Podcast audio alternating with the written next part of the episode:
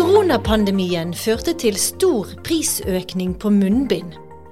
Konkurransetilsynet kartla prisutviklingen. Hvordan gikk vi frem, og ikke minst, hva fant vi? Har norske apotek skodd seg på krisen? Og bør konkurransemyndighetene gripe inn og regulere munnbindprisene, slik de bl.a. har gjort i Italia? Du hører på Konkurransepodden, en podkast fra Konkurransetilsynet. I denne episoden skal du også få høre om EUs nye konkurranseverktøy. Jeg heter Siri Løken og er kommunikasjonsrådgiver i tilsynet.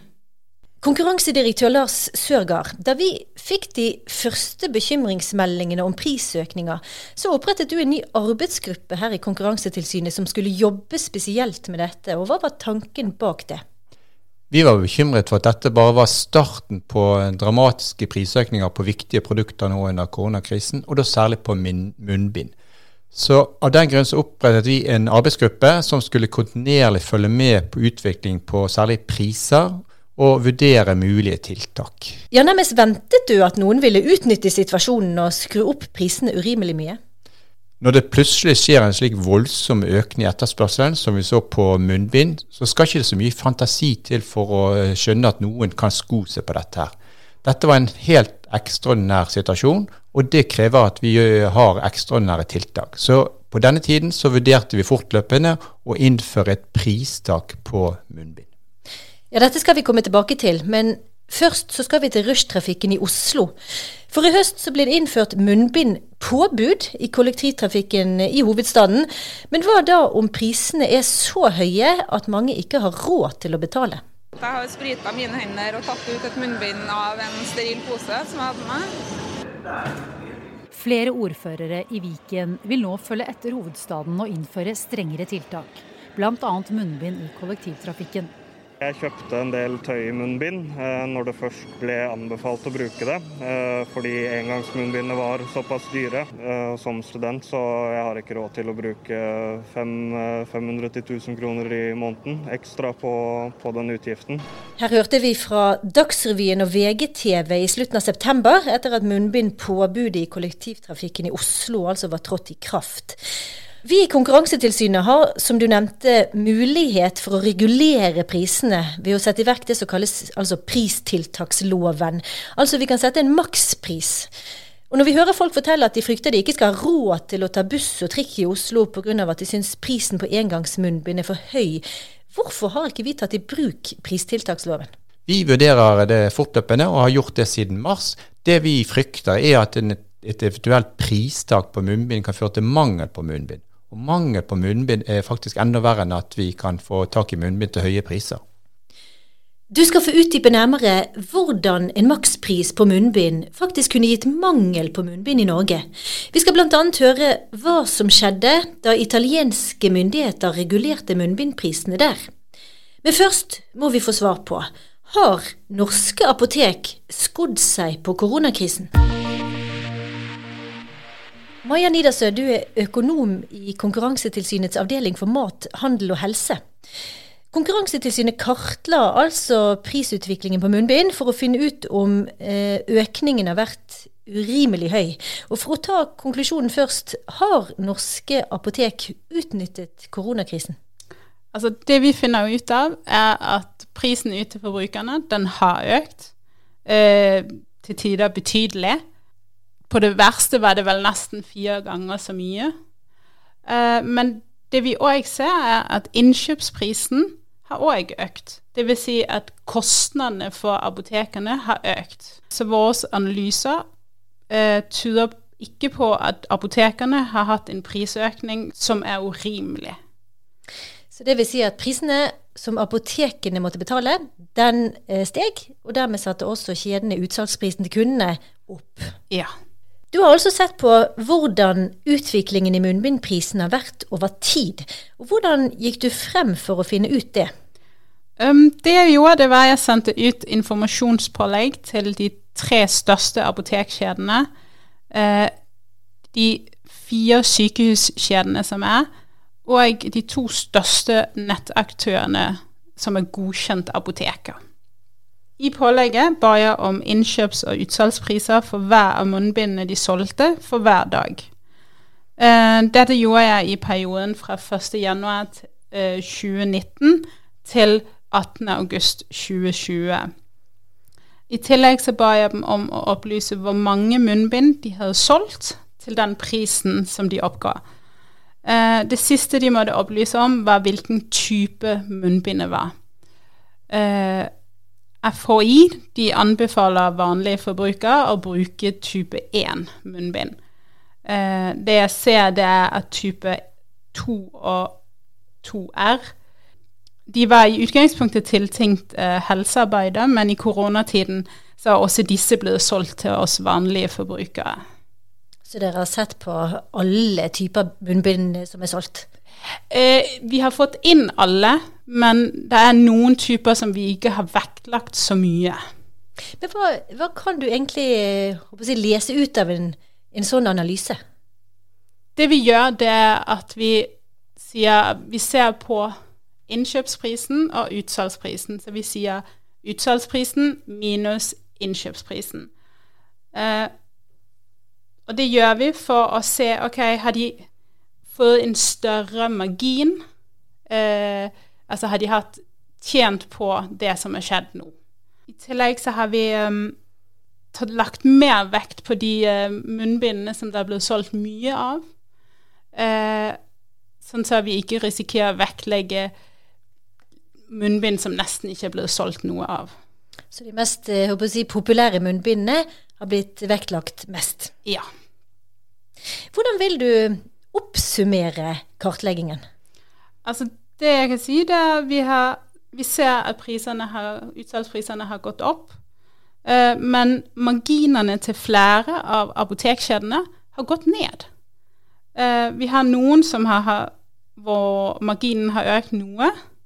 Så vår undersøkelse tyder altså på at årsaken til utsalgsprisene, altså til de økte utsalgsprisene, er økt innkjøpspris.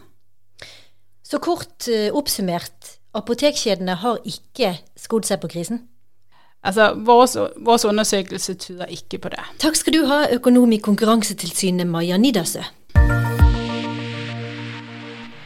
Lars Sørgaard, konkurransedirektør. Det er flere som har krevd at vi skulle ta i bruk pristiltaksloven for å sikre at alle her i landet skal ha råd til å kjøpe munnbind. Hvorfor mener du makspris på munnbind er en dårlig idé?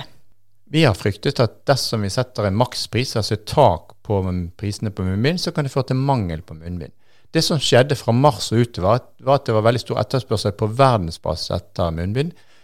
Det betyr at leverandørene, de som produserer munnbind, satte opp prisene fordi det var så mange som ville kjøpe fra dem. Eh, hvis vi da i Norge hadde sagt vi skulle ha et tak på prisene ut til oss kunder, så kunne det fort bli en pris som var ganske lav i forhold til det leverandørene faktisk kunne få solgt til, til andre.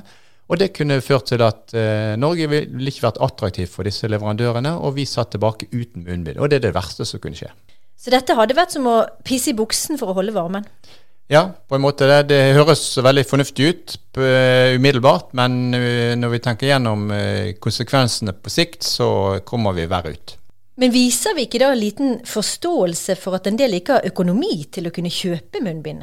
Jeg har stor forståelse for at enkelte sårbare grupper kan oppleve at dette blir en stor utgift.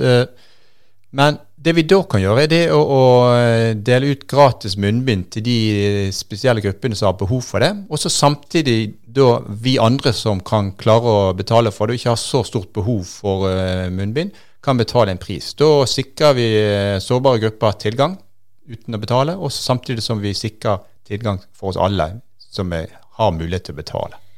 I hvilken grad har de økte munnbindprisene da ført til det vi ønsket, altså økt produksjon og innovasjon?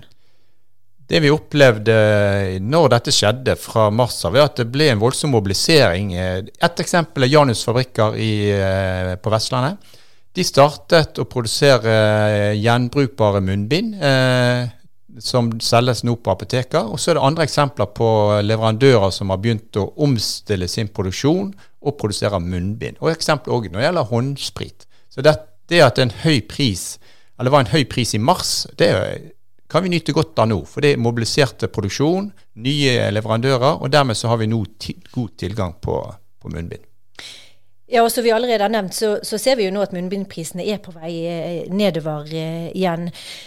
Men vi vet jo at andre land har innført makspris på munnbind. Italia, eh, landet i Europa som tidligst ble hardt rammet av pandemien, de innførte makspris på munnbind. Og hva er egentlig erfaringene derfra? Det de gjorde var at I mai i år så satte de et pristak på 50 cent per munnbind. Det er om lag 5-6 kroner.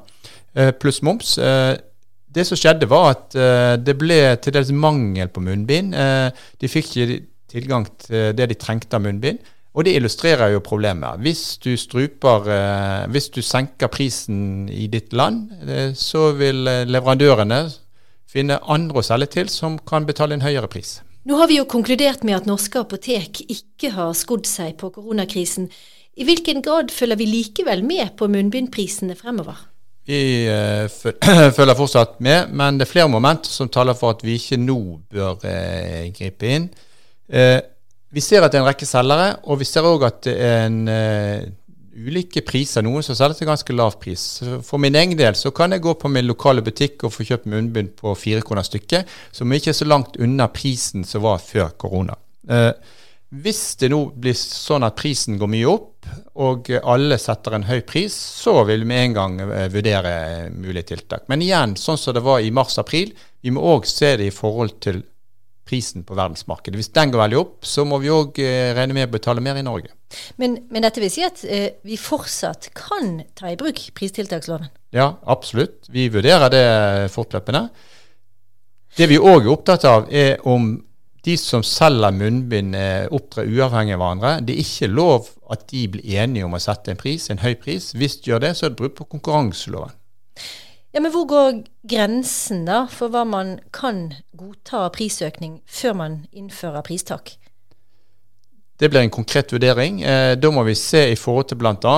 Eh, hvordan innkjøpsprisen endres, altså verdensmarkedsprisen vi må se på hvordan bildet er med antall leverandører. Så det, det, er en, det, er en, helhetlig vurdering der vi må se om det er grunnlag for å oppnå en gevinst ved å ta et pristak. Vi ønsker ikke mangel på munnbind, så vi er veldig oppmerksom på at et veldig stramt pristak kan gjøre vondt verre. Takk til deg, konkurransedirektør Lars Sørgaard.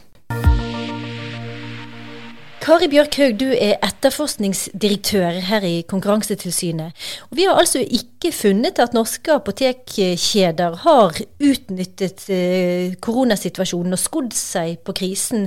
Når vi konkluderer i denne typen saker, hvor sikre kan vi være? Når vi gjennomfører slike markedsundersøkelser, så går vi grundig til verks. Og i denne saken så har vi kartlagt 90% av alle landets apoteker. Så det er en omfattende kartlegging, rett og slett? Ja, det er det. Og basert på de undersøkelsene som tilsynet har gjort, så er det lite som tyder på at apotekkjedene har skodd seg på koronakrisen. Hvor vanlig er det at eh, Konkurransetilsynet setter i gang sånne kartlegginger?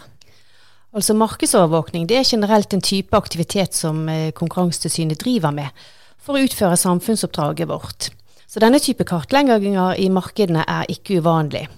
Men det er klart at situasjonen med covid-19 har vært spesiell, med et eh, plutselig behov for munnbind både for yrkesgrupper og, og private, med påfølgende voldsom prisøkning.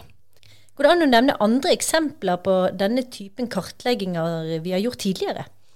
Ja, et eksempel som gjerne er kjent for flere, er at vi har overvåket drivstoffprisene tett i, i flere år. Så dette er noe som er vanlig.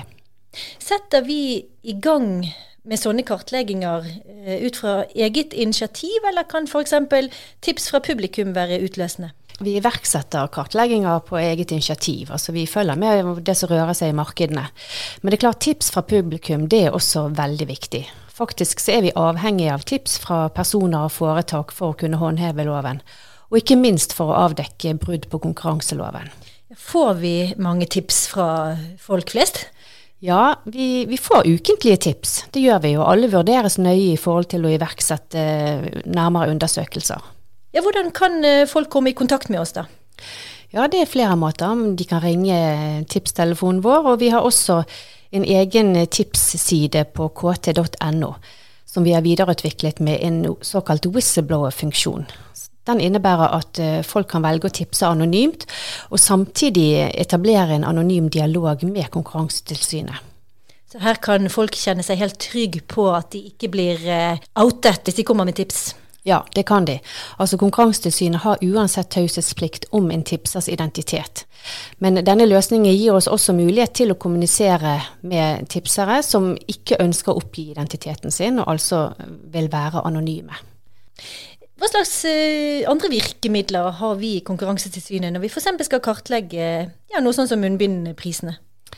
I forbindelse med den kartleggingen så har vi utstedt såkalt informasjonspålegg til apotekkjedene. Og Der gir konkurranseloven oss eh, vid hjemmel til å pålegge foretak å gi de opplysningene vi trenger for å kunne gjøre våre, våre gjøremål etter loven. Så her har apotekkjedene faktisk en opplysningsplikt etter loven. Så de kan ikke si at 'nei, vi har ikke tid til å hjelpe deg med dette'? Nei, det kan de ikke. Men vi har også eh, muligheten til å gå på bevissikring, og det har vi jo gjort i en rekke markeder de siste årene. Vi kan nevne forlagsbransjen, dagligvarebransjen. Hva er det som skal til for at vi faktisk går til det skrittet? Ja, det stemmer. Bevissikring er et annet og mer inngripende virkemiddel som vi har. Men det forutsetter at tilsynet mistenker at et foretak har gjort seg skyldig i brudd på forbudsbestemmelsene i loven. F.eks. gjennom ulovlig samarbeid om priser eller misbruk av dominerende stilling. Og for å kunne gå på bevissikring, så må vi innhente rettens beslutning. Så dette har da ikke vært aktuelt, f.eks. For i forbindelse med munnbindpriskartleggingen? Nei, det har det ikke. For i, i, forbindelse med kartleggingen så har vi ikke hatt mistanke om at apotekkjedene har brutt konkurranseloven. Så her snakker vi om at vi har flere aktører som tilbyr munnbind, det er ikke snakk om én dominerende aktør, og vi har heller ikke hatt grunn til å mistenke at apotekkjeden har samarbeidet om prisøkningen. Hvorfor har det da vært viktig for oss å finne ut hvorvidt eh, ja, apotekene har skodd seg på prisen ved å sette da, prisene urimelig høyt? Ja, altså Hensikten vår med å kartlegge prisene på munnbind har vært å vurdere tiltak etter pristiltaksloven, ikke for å etterforske om apotekkjeden har gjort seg skyldige i lovbrudd. Så det er bakgrunnen for kartleggingen. Takk til deg, etterforskningsdirektør her i Konkurransetilsynet, Kari Bjørkhaug.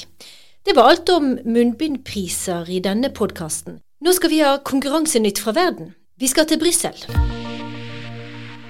Økonom her i Konkurransetilsynet, Magnus Friis Reitan. EU-kommisjonen ønsker seg nå flere verktøy for å kunne regulere bl.a. digitale markeder. Og hva dreier dette seg om?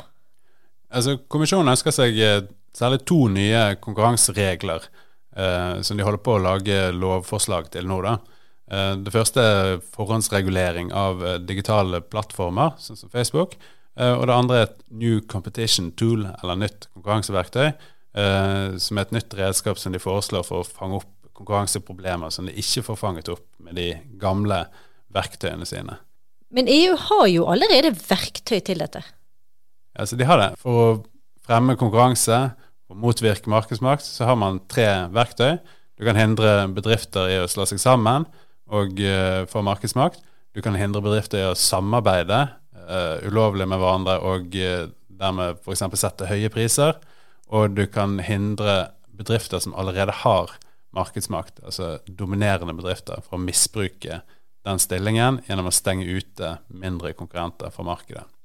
Det første forslaget til kommisjonen dette med å forhåndsregulere dominerende selskaper, det har vi egentlig hatt tidligere. Eh, på den måten at vi har f.eks. Eh, regulert eh, Telenor i telemarkedene, sånn at de må gi tilgang til mindre konkurrenter til det gamle telefonnettet, sånn at de, gamle, eh, de mindre konkurrentene også kan levere bredbånd og telefontjenester på det gamle eh, kobbernettet. Så Det har for så vidt fantes fra før. Det nye er at eh, man pålegger eh, disse digitale plattformene eh, å gi sånn tilgang og andre tiltak overfor mindre konkurrenter. Er det rett og slett de store IT-gigantenes dominans som er bakgrunnen for at man vil ha disse nye verktøyene? Ja, det, det er jo det. De, de, kommisjonen snakker ikke om dominans her. De snakker om, de kaller det portvoktere i det forslaget som de har hatt på høring. Uh, og uh, det, de, det, de, vurderer, er f.eks. at uh, Google og Facebook må gi konkurrenter tilgang til data, som er så viktig i dette markedet her. eh, sånn at konkurrentene har en sjanse til å konkurrere med de store plattformene. Eh, eller å lage en liste over ting som disse plattformene rett og slett ikke får lov til, sånn som å favorisere, at Google favoriserer sine egne tjenester i søkeresultat. Noe sier meg at kanskje ikke Facebook og Google er så veldig begeistret for disse nye verktøyene. Nei, de har jo svart i, i høringsrundene, og de er ikke, de er ikke sånn jublende entusiastiske for å få nye uh, forpliktelser på seg. Dette handler også om uh, forhåndsregulering av digitale plattformer, men EU-kommisjonen vurderer også et annet nytt virkemiddel? Ja, de vurderer et uh, nytt konkurranseverktøy, som de kaller det. hvor de da f.eks. kan gripe inn i markeder hvor ingen er dominerende i dag, men hvor den største bedriften har så store fordeler at, det, at, de små bedriftene kan forsvinne helt ut, og du til slutt ender opp med en monopolist. Det er lett å se for seg at de kan ha både Facebook og Google i tankene her. Ja, da, de tenker på digitale markeder uh, her òg. Så f.eks. Uh, med data, så er det jo sånn at jo mer data du har, jo bedre tjenester kan Google tilby, f.eks. Det gjør at du får flere brukere og enda mer data, så kan du tilby enda mye bedre tjenester. Uh, og eh, selv om det er bra på kort sikt, så kan du ende opp med monopolister til slutt. En annen situasjon hvor uh, kommisjonen kunne tenke, ønske seg et uh, nytt verktøy, det er markeder hvor bedriftene klarer å koordinere seg stilltiende. Altså hvor du f.eks. Uh, du klarer å sette prisene parallelt på et høyt nivå, uh, men uten å snakke eksplisitt sammen, og du dermed ikke har noe lovlig avtale om å sette en høy pris. Der har de også lyst til å mulighet til å gripe inn. Du, I utgangspunktet så var vel dette tenkt å virke for alle markeder, men eh, nå ser det ut til at det bare skal gjelde digitale markeder? Ja, det siste konkurransekommisjonær Margrethe Vestager har sagt om dette, er at uh, nå tar de sikte på at det bare skal gjelde digitale markeder. og De vurderer også å slå dette eh, forhåndsregulering og nytt konkurranseverktøy sammen i ett uh, forslag. Disse forslagene til nye konkurranseregler er nå til behandling i EU, men det vil kanskje ta litt tid før dette eventuelt blir satt i verk? Altså, kommisjonen eh, lager et forslag, og eh, det skal de sende til eh, EU-parlamentet i løpet av året, har de sagt. Takk for denne oppdateringen fra EU, økonom i Konkurransetilsynet Magnus Friis Reitan. Takk også til deg som hører på Konkurransepodden. Ønsker du flere nyheter fra Konkurransetilsynet, kan du sjekke nettsidene våre konkurransetilsynet.no. Følg oss også på sosiale medier, Facebook, LinkedIn og Twitter.